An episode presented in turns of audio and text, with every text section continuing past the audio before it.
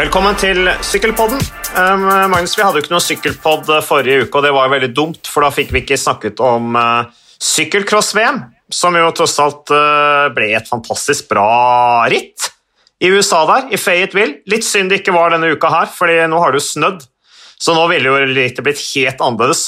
Og den åpningen her på denne podkasten ble helt annerledes enn du, det du hadde sett for deg, for du trodde at vi skulle gå rett over på landeveissykling, men jeg er på en måte ikke helt ferdig med sykkelcross. Men uh, vi trenger ikke å snakke noe mer om det enn det. Eh, så du noe på sykkelcross-VM, eller? Du, jeg, jeg, gjorde jo det. Um, ja. Ja, jeg gjorde jo det. Uten at jeg syns nødvendigvis løypa var den aller kuleste. og sånt. Men um, det er jo alltid action og sånt. da. Så likte jeg at Marianne Foss vant. Det syns jeg alltid er hyggelig. Så... Ja.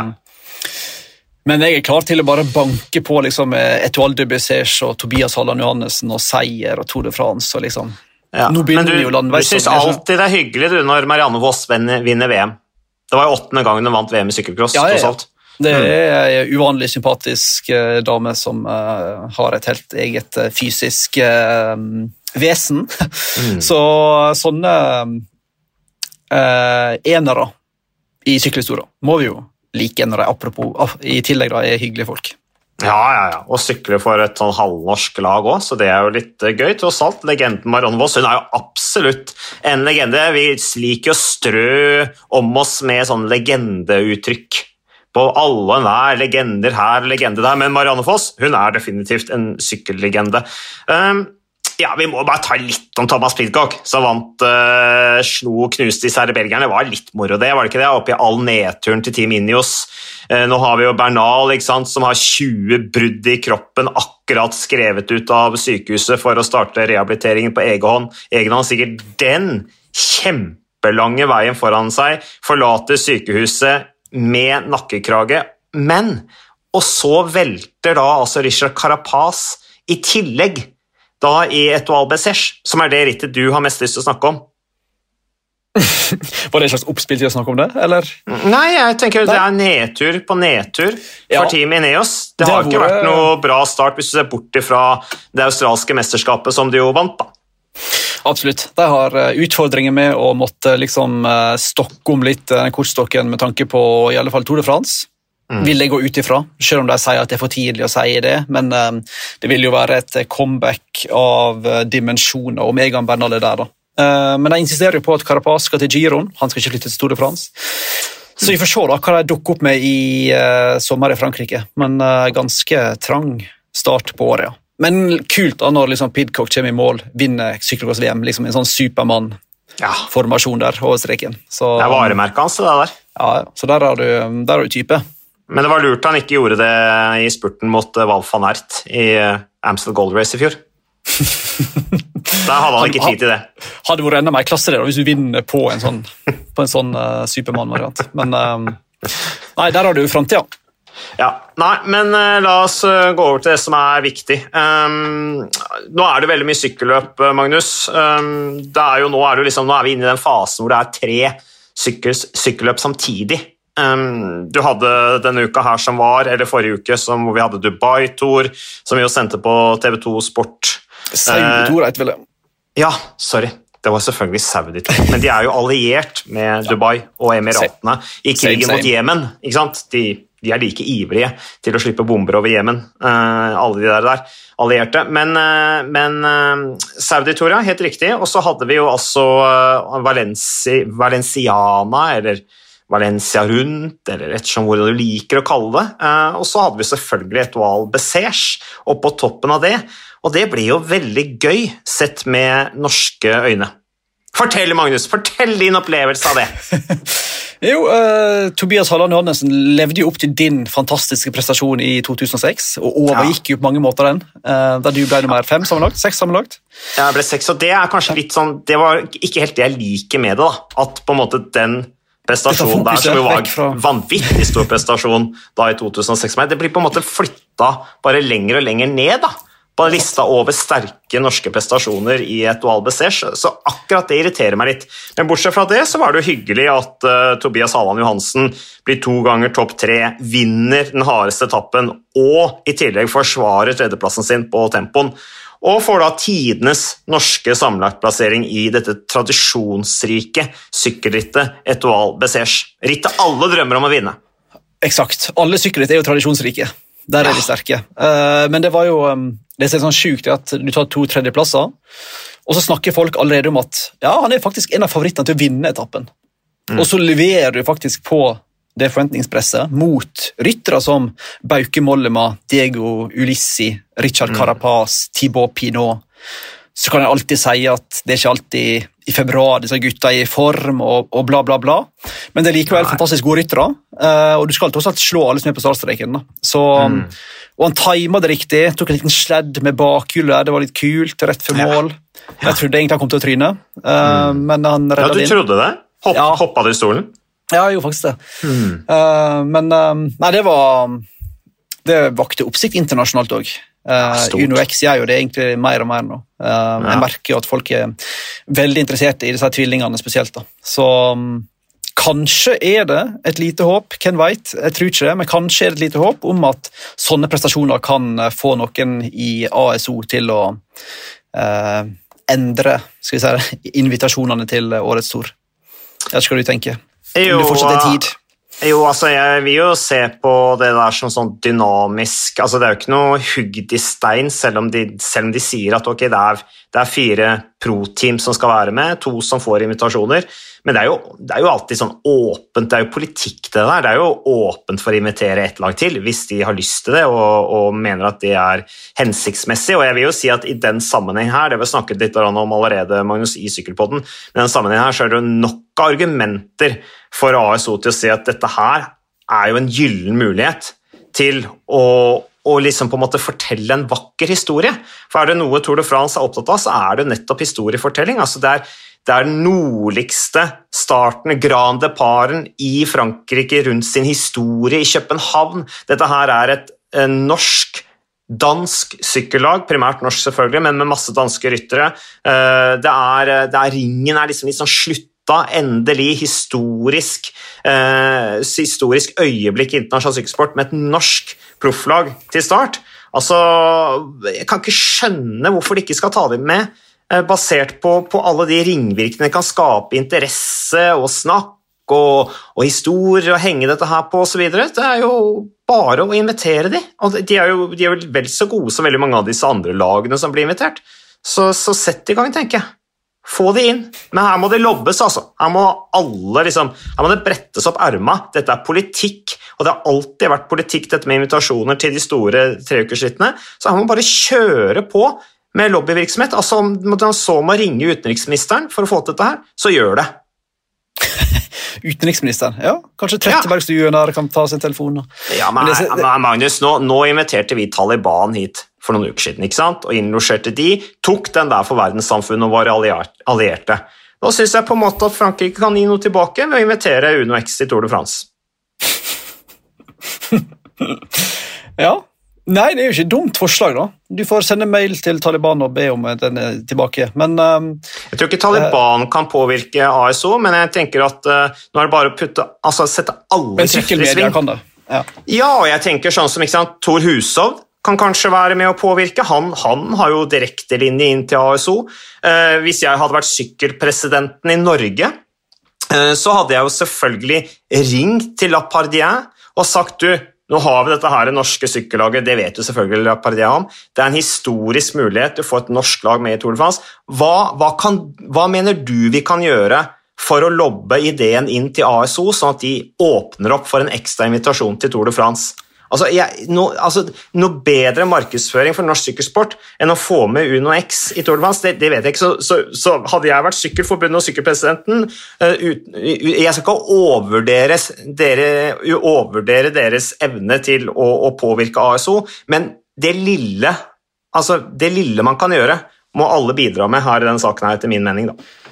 Jeg vet ikke helt hvor masse kred Norske Sykkelforbundet har etter den fadesen i Bergen 2017. Da, men, så jeg er litt, mer sånn, litt i tvil om hvor masse de får utretta. Men jeg skjønner jo hvor du vil. da.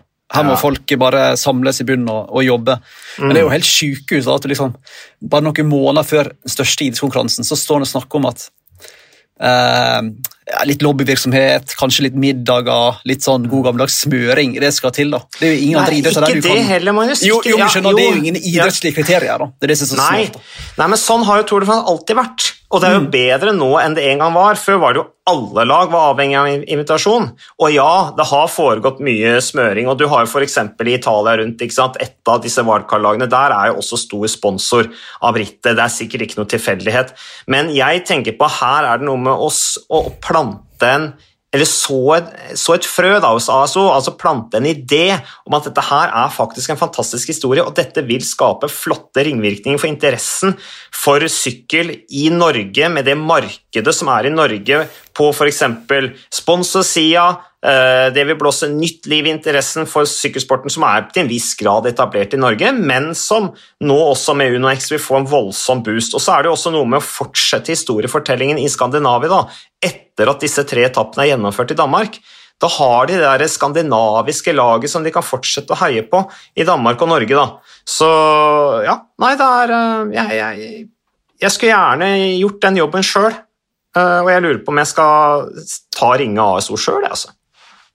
Du har nummeret? Ja, men da blir det mer sånn trussel om knuste kneskåler og sånn, da. Du kan vise din sjetteplass i et Etoile de Bessers da, for å måte, introdusere deg sjøl på nytt, sånn at jeg husker hvem du var. og liksom, Vise litt tyngde. Det må jeg bruke for alt den er verdt. Men det er jo litt avhengig av, altså Du sier at de kan bare invitere et ekstra lag. Det må jo UCI i så fall fikse, da. Ja, UCI har jo regler ja. på antall lag, så de må jo bli enige der. da. Ja, og, og, ja, det, det, er jo derfor jeg mener at her må det jobbes fra flere kanter. da. Inn mot uh, altså Sørnes, uh, sykkelpresident Norge, må ringe til UCI. Uh, man må få Tor til å ringe til ASO. Man må bli enige om å møtes, ta en skikkelig gjennomgang og se på mulighetene her. Det tror jeg er en, en, en god start. Men i hvert fall alle som, alle som kan bidra, da, blir mobilisert. For det ville vært helt vanvittig stort for norsk sykkelsport om det skjedde. Når det er sagt, så tror jeg ikke det står på forsøka, da. Men jeg opplever vel eh, at ASO er ganske sånn lukka, lukka bedrift på mange måter. Det er ikke så enkelt å få, um, få innpass der hele tida. Så jeg tror nok det har blitt gjort en del forsøk over vinteren. altså. Men um, vi får se. Det er vel nå gjerne i månedsskiftet januar-februar ofte så dukker opp disse invitasjonene. Så ja, det det. vi får håpe i det lengste. Det er det. Det blir spennende, Magnus, men det er liksom Jeg har på en måte Jeg ser på en måte jeg har fått litt håp, da om at det faktisk kan skje. Um, mye pga. at uh, omstendighetene er såpass spesielle i og med at det er eh, start, start i Danmark, i, i København. Uh, så er det liksom Her er det mange grunner til å liksom ta de med. Um, og, og, var det ikke i 20, for to år siden, i 2020, at de åpnet opp for ett ekstra lag fordi at sesongen var så amportert pga. covid? Så liksom, det er relativt fleksibelt, selv om de sier at det er, det er, noen regler da, for hvor mange de kan ha med. Ja, ASO lager jo langt på vei sine egne regler òg, så hvis de sier 23 lag, så går nok UCI fort med på det. Ja, ja ellers, eh, Magnus, for å snakke om noe annet eh, Så du noe på Valens Valenciana, eller? Ja, ja, ja. Så alt derfra. Så det var, mm. det var et eh, litt sånn spesielt sykkelritt men Kristoff litt på gang der. Eh, et par gode spurter. Fabio Jacobsen som åpenbart er veldig på gang. Mm. Eh, Valverde som er i kanonform. Uh, og kun ei punktering der som hindrer han i å være enda lenger oppe. Ja. Uh, Evenepool som fortsatt er litt sånn usikker på hvor god han er i disse lange bakkene. Mm. En litt sånn omdiskutert uh, grusfinish, motbakketoppfinish-variant. Ja. Jeg så Johan var... Brunil hissa seg litt oppover det der hisse opp for det meste. Uten at jeg kan miste nattesøvnen Nei, det var et kult sykkelritt. Mm. Uh, og ja, Kristoff med det var vel to tredjeplasser, ble vel det. Mm. Så det var vel relativt positivt. Det så ut som Intermarché har planer om å ta det spurtopptrekket seriøst utover ja, sesongen. Men uh, jeg savner de spurtopptrekkene han trenger, så hvor liksom feltet ligger på en strek inn på den siste kilometeren der, og Kristoff kan spurte fra en annen posisjon når opptrekkeren slår ut. Altså det, det, er, det, er, den type opptrekk som Kristoff trenger. Ha. Foreløpig i Intermarché så har han ikke en, en, rytter som kan sette den toppfarta eh, som, han har, eh, som, han fikk på, på, når han hadde Paulini på sitt beste. Eh, som, vi så, som vi så Tor Hushovd hadde med Eh, ikke Julian. Dean. Julian Dean, ja, min gamle Verdens beste opptrekker. Ja, ikke sant? Den samme type opptrekk. da. Det er på en måte den type opptrekk Alexander Kristoff trenger. Men, eh, men vi får se. Det var i hvert fall lovende. Gutten er jo i brukbar form. To tredjeplasser er bra. Eh, Alexander Vlasov som vant sammenlagt. Du nevnte Evenepool som ble nummer to. Og Carlos Rodriguez. Eh, Carlos Rodriguez er jo litt interessant fordi det er jo litt morsomt. Det var han som nesten tok over, eh, tok seieren fra, fra Tobias Hallen Johannessen i, eh, i Tour Lavenir i fjor. Eh, Det var en skikkelig fight på den siste klatreetappen der. Hva ble det? Sju sekunder eller noe til slutt? Det var ikke mange sekundene. Men det er litt morsomt å se at begge de to, nummer én og to fra Tour Lavenir i fjor, er såpass høyt oppe i starten av proffkarrieren sin. Carlos Rodriguez, som er den spanske unggutten i, i Team Ineos. Så det er, viser jo at det var bra nivå på Tour Lavenir i fjor, altså. sånn som det pleier å være. Ja, er du gal. Trenger jo en opptur også spanjolene, da, med, med Rodriguez og Ayuso. Så er kanskje ikke framtida så mørk som de frykta der en stund. Men um, nei, det er jo samme tralten som i fjor og forfjor. da. Ungryttere tar nivået veldig mye fortere på høyest nivå. Så ehm, Fullstendig respektløst. det er det. Altså, Hvor blir det av gamlingene i dag? Altså, altså, hvor, de må jo sette disse gutta på plass. Holde litt igjen. Altså, Uten unge rytter de Cipollini skal, sykle, Cancellara, så nei, de skal sykle hjelperytter, de unge gutta. De skal ikke drive og vinne og herje og få resultater. De skal hente flasker, hente jakker og holde på, altså De skal ikke holde på sånn som de gjør nå. altså Det er en helt ny verdensorden. Gått fullstendig over styr. Det må være forferdelig vanskelig å være gammel sykkelrytter i dag, bortsett fra hvis du heter Valverde, da. Som altså tok sitt 61. topp fem-resultat sammenlagt i et etapperitt som proff. Det er jo bra. Gratulerer, Valverde. Eh, ellers er jo også eh, dette Welta Femininas i gang. Eh, det er jo første rittet til eh, damelaget til UnoX. Ble en ganske bra start på første etappe, vunnet av Marta Bastianelli, som nå sykler for dette UAE-laget. Susanne Andersen ble nummer fire, og så var det hun finske Annina Attosala som ble nummer seks. Ja, jeg tenker jo det er jo, det er jo fine resultat. Men der hadde jeg egentlig enda større forventninger, for å helt ærlig. Når jeg så på startlista der, så tenkte jeg at her har vi muligheten til å, å vinne allerede på første forsøk. Men det er jo kanskje litt mye å kreve på første rittdag for et nytt lag. Så blir Veldig kravstor da, Magnus. ja, veldig bra kjøring av altså dansker. Altså. Både Køhner og Julie Let gjorde en veldig fin jobb på slutten der. Um, Men eh, ja, litt å gå på på uh, toppfarta enda, da. Men eh, Ja. det, er jo, det er jo trøsten at vi er i første uke i februar. Bastianelli er god, da. Hun har vunnet mye store sykkelløp, Flandern og Absolutt. mye annet. Så, så det er jo ikke noe dårlig vinner, det. Kan jo være at hun får en kanonsesong i år. Um, ellers skal vi bare ta kjapp lite sammendrag av Saudi-tour. Hva, hva syns du? Hva er inntrykket ditt fra Saudi-Arabia? Inntrykket er at jeg skal ikke dit på ferie. Nei vel? De satser veldig på turistene, da, Magnus. Ja, De filma den Elephant Rock der ganske mange ganger. Ja, 58 meter høy er den. Ja, det var uh, Nei, det syns jeg var litt sånn sånn som uh, sykkelritt flest er i Midtøsten. Ganske ganske stusslig. Jeg syns ikke det var så stusslig. Altså, selve omgivelsene var jo helt fantastiske. Altså, Egypt Nå, nå skal jeg skikkelig snakke opp Saudi-Arabia. eh, Ja, for, for å gjøre denne den sportsvaskinga deres helt fullstendig komplett. Altså, Du hadde den der Elephant Rocken, og så i området Al-Ula, som jo var liksom det de fokuserte på, der de skal virkelig satse på turisme. Det er sikkert ikke billig å reise ned der. det er ikke noe Interrail-billett du kjøper dit. Eh, Men, eh, men der har du liksom, du har jo pyramiden i Egypt, Magnus. Det er jo spektakulært. Men jeg må jo si at alle de her eh, gravene inni disse her eh, fjellene nede i Alula da var ganske fascinerende, det òg. Hvis du får litt guida turer rundt der, og kanskje går litt turer i fjellet, og så ligger du og slapper av på den der saudiske resorten mens du røyker sånn der vannpipe og drikker te, eh, så er jo det kjempefristende så lenge du er der på denne tiden av året her hvor det er sånn 20-30 grader, og ikke er der i juli, liksom, hvor det er 50, 50 pluss. I motsetning til deg da, så fokuserte jeg mest på sykkelrittet. Um, og jeg så på en måte ikke på framtidige feriedestinasjoner som liksom hovedmålet her. da. Um, men da har vi tydeligvis litt forskjellige perspektiv. Nei, jeg tenker at bare de kutter ut det her uh, halshugginga og, og, og forbudet mot uh, le, ulike legninger. Uh, dette her at de uh, slutter å, å, å torturere og, å, partere journalister og andre meningsytere og sånn, tenker jeg at det kan være et ganske ok sted å dra på ferie.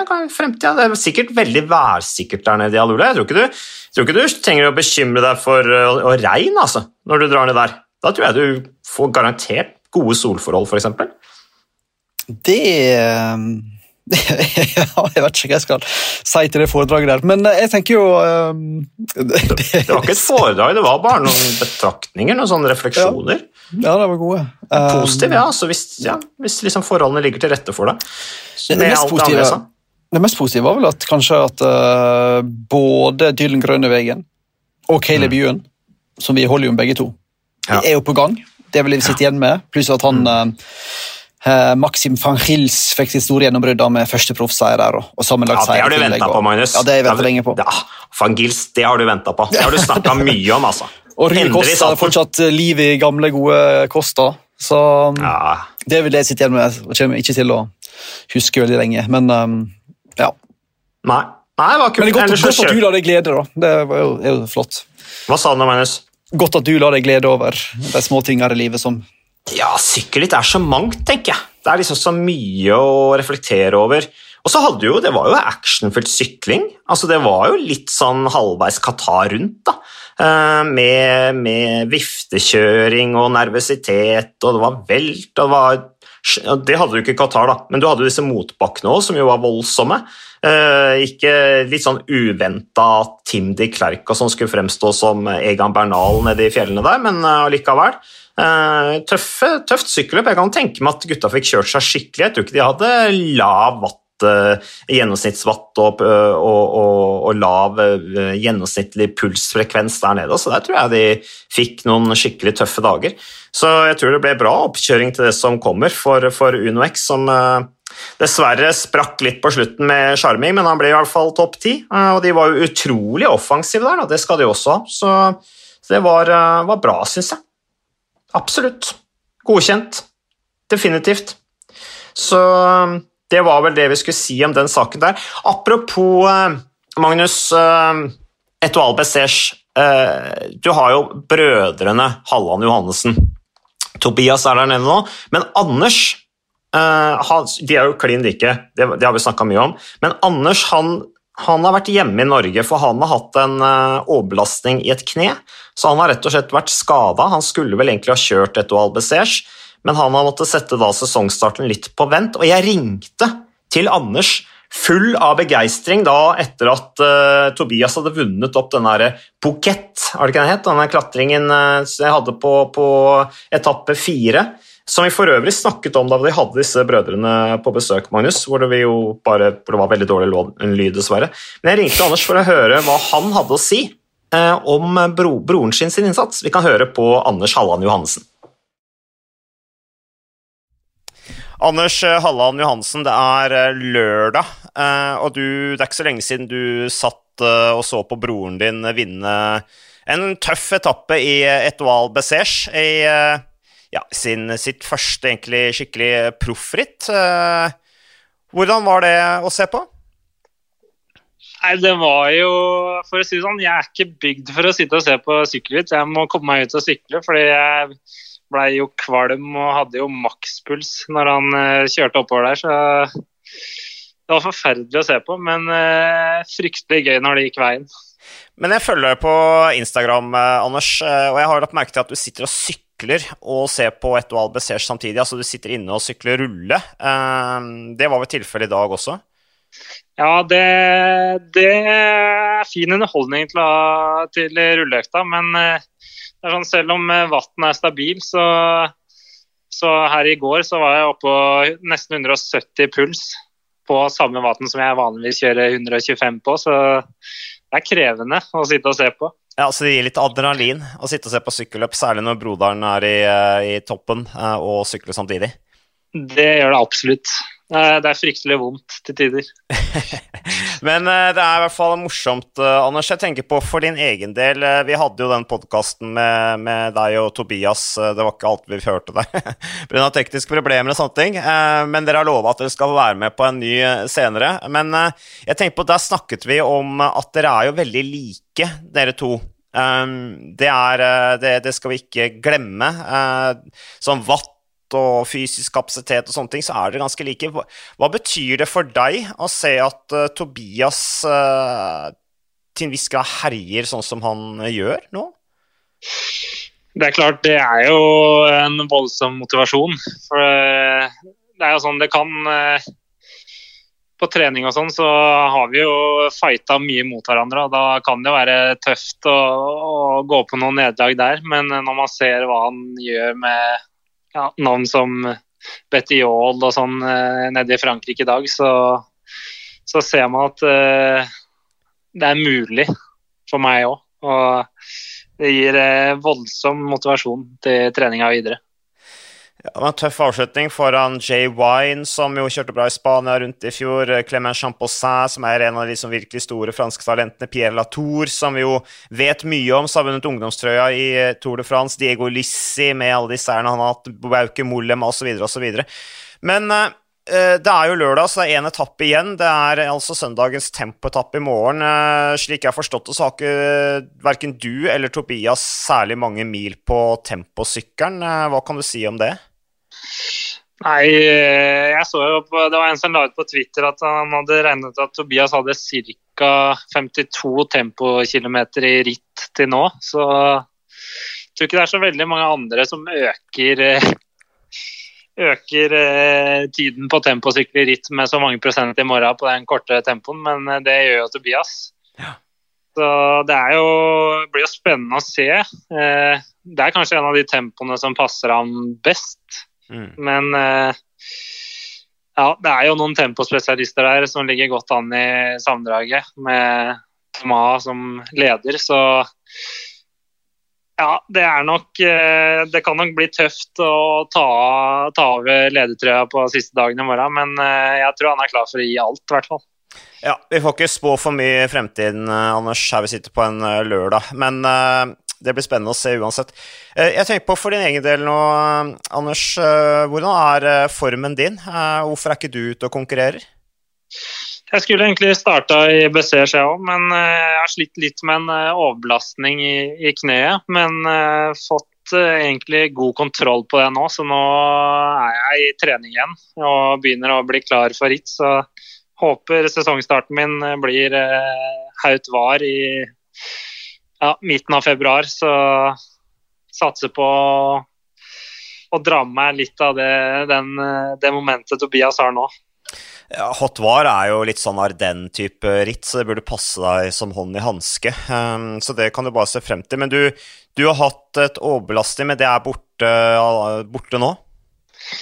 Ja, det har, det har, gått litt opp og ned, men uh, jeg kjørte en intervalløkt i dag uh, hvor det egentlig var første gang på ganske lenge at jeg ikke hadde smerter i kneet. Så jeg har jobba veldig mye med det sammen med flinke folk. Så rimelig sikker på at vi har god kontroll på det nå. Mm.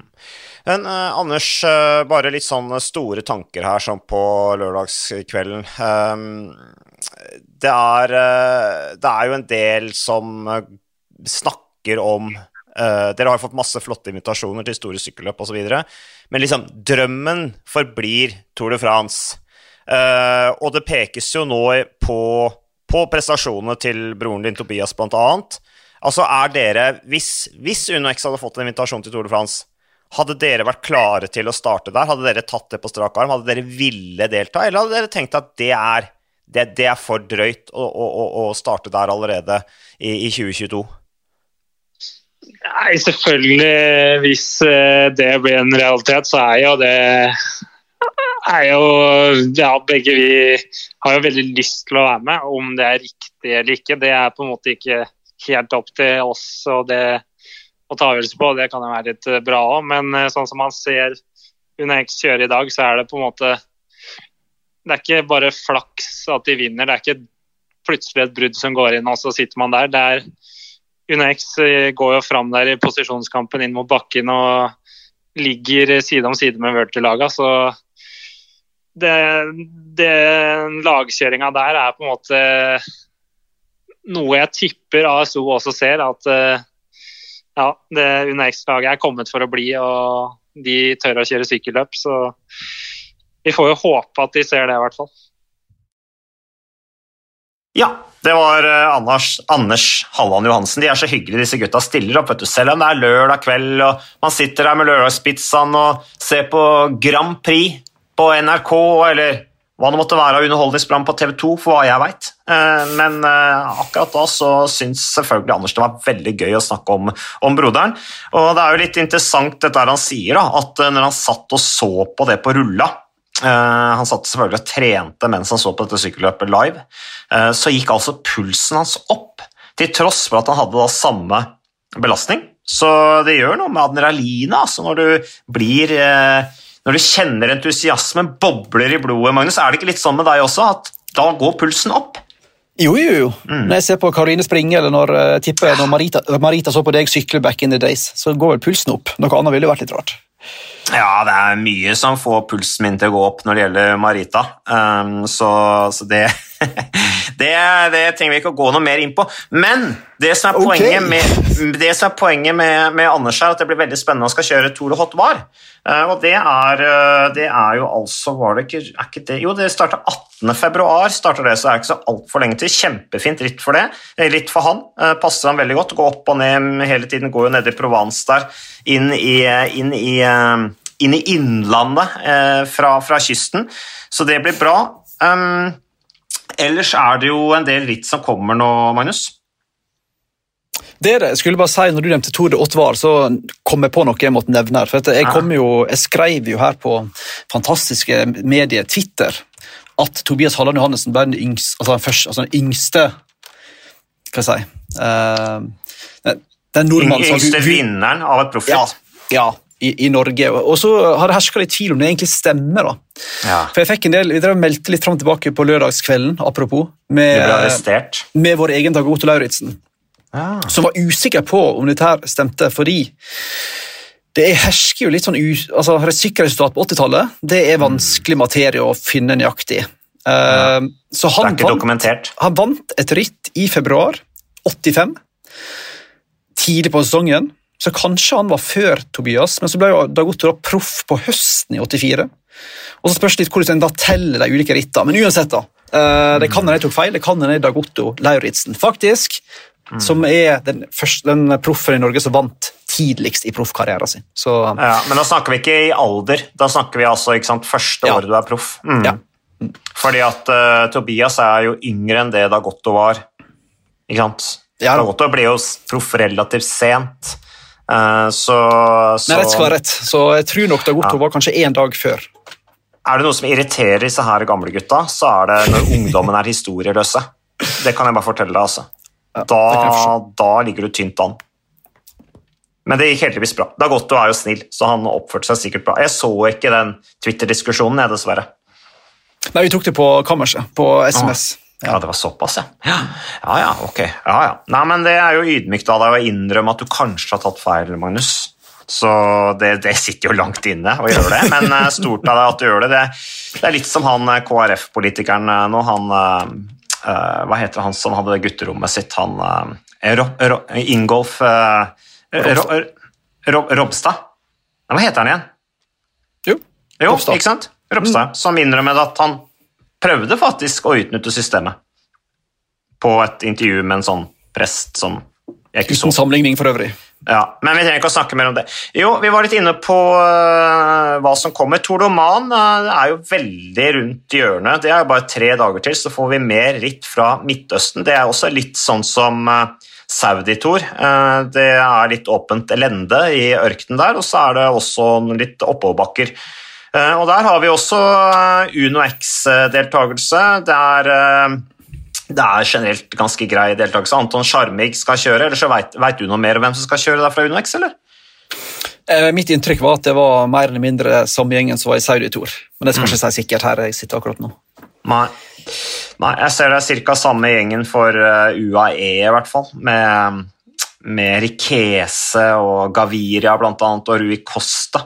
Ellers så skal jo, uh, ellers så skal jo Mark Cavendish kjøre, så det blir jo spennende. Han er jo under litt press, for det ligger jo liksom an til at, uh, at det er Fabio Jacobsen som skal til, som skal til Tour de France. Det skinner gjennom stadig vekk, syns jeg, hvis ikke det skjer noe da, eh, inn mot Tour de France. Det er mye som kan skje i sykkelsporten, det vet vi, vet vi alt om.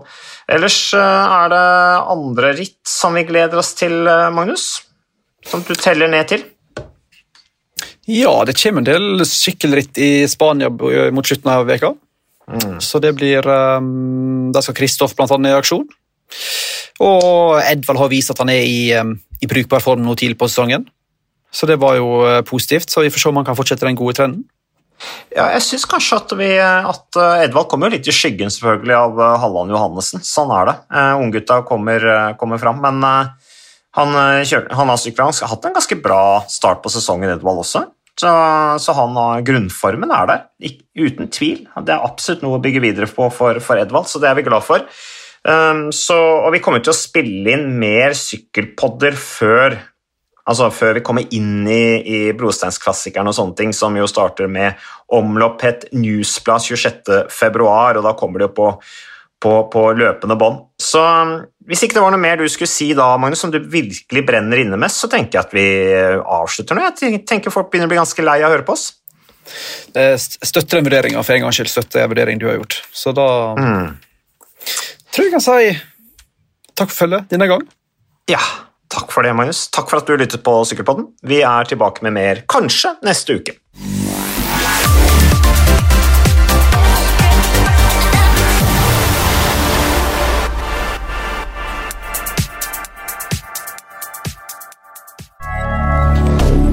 Moderne.